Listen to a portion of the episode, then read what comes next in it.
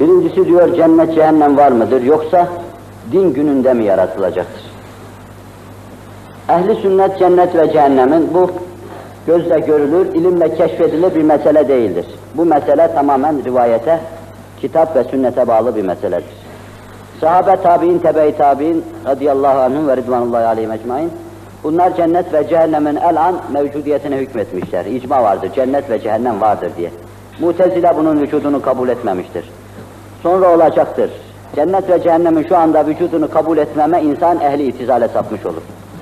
Cennet cehennem vardır da ahirette bize görünecek ve bizi içinde Allah nimetleriyle perverde edecek şekliyle münbasit ve münkeşif şekliyle mi vardır yoksa bir çekirdek, bir nüve halinde midir?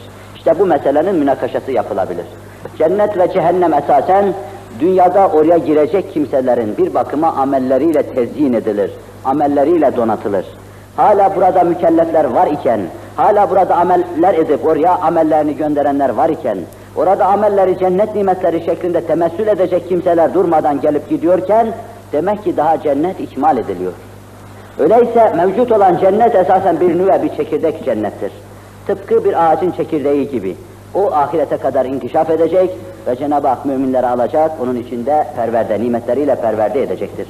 Çünkü Efendimiz sallallahu aleyhi ve sellem burada salihatın subhanallah ve elhamdülillah ve la ilahe illallah ve allahu ekber gibi bir kelimenin mesela cennette bir cennet ağacı olduğunu ifade ediyor.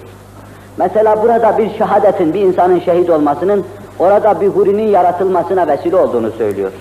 Mesela burada güzel bir amelin, mesela haya gibi bir şeyin, orada senin için bir çardağın, bir sarayın kurulmasına vesile olduğunu söylüyor.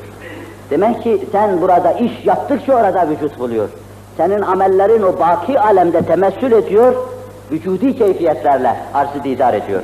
Öyleyse burada amel devam ettikçe, mükellef devam ettikçe, bir sel gibi cennete amel akıp gittikçe, orada daima harç karılacak, daima efendim onarımlar yapılacak, donatımlar yapılacak, donatmalar yapılacak, tamirler yapılacak, tenvirler yapılacak, tezinler yapılacak. Allahu alem.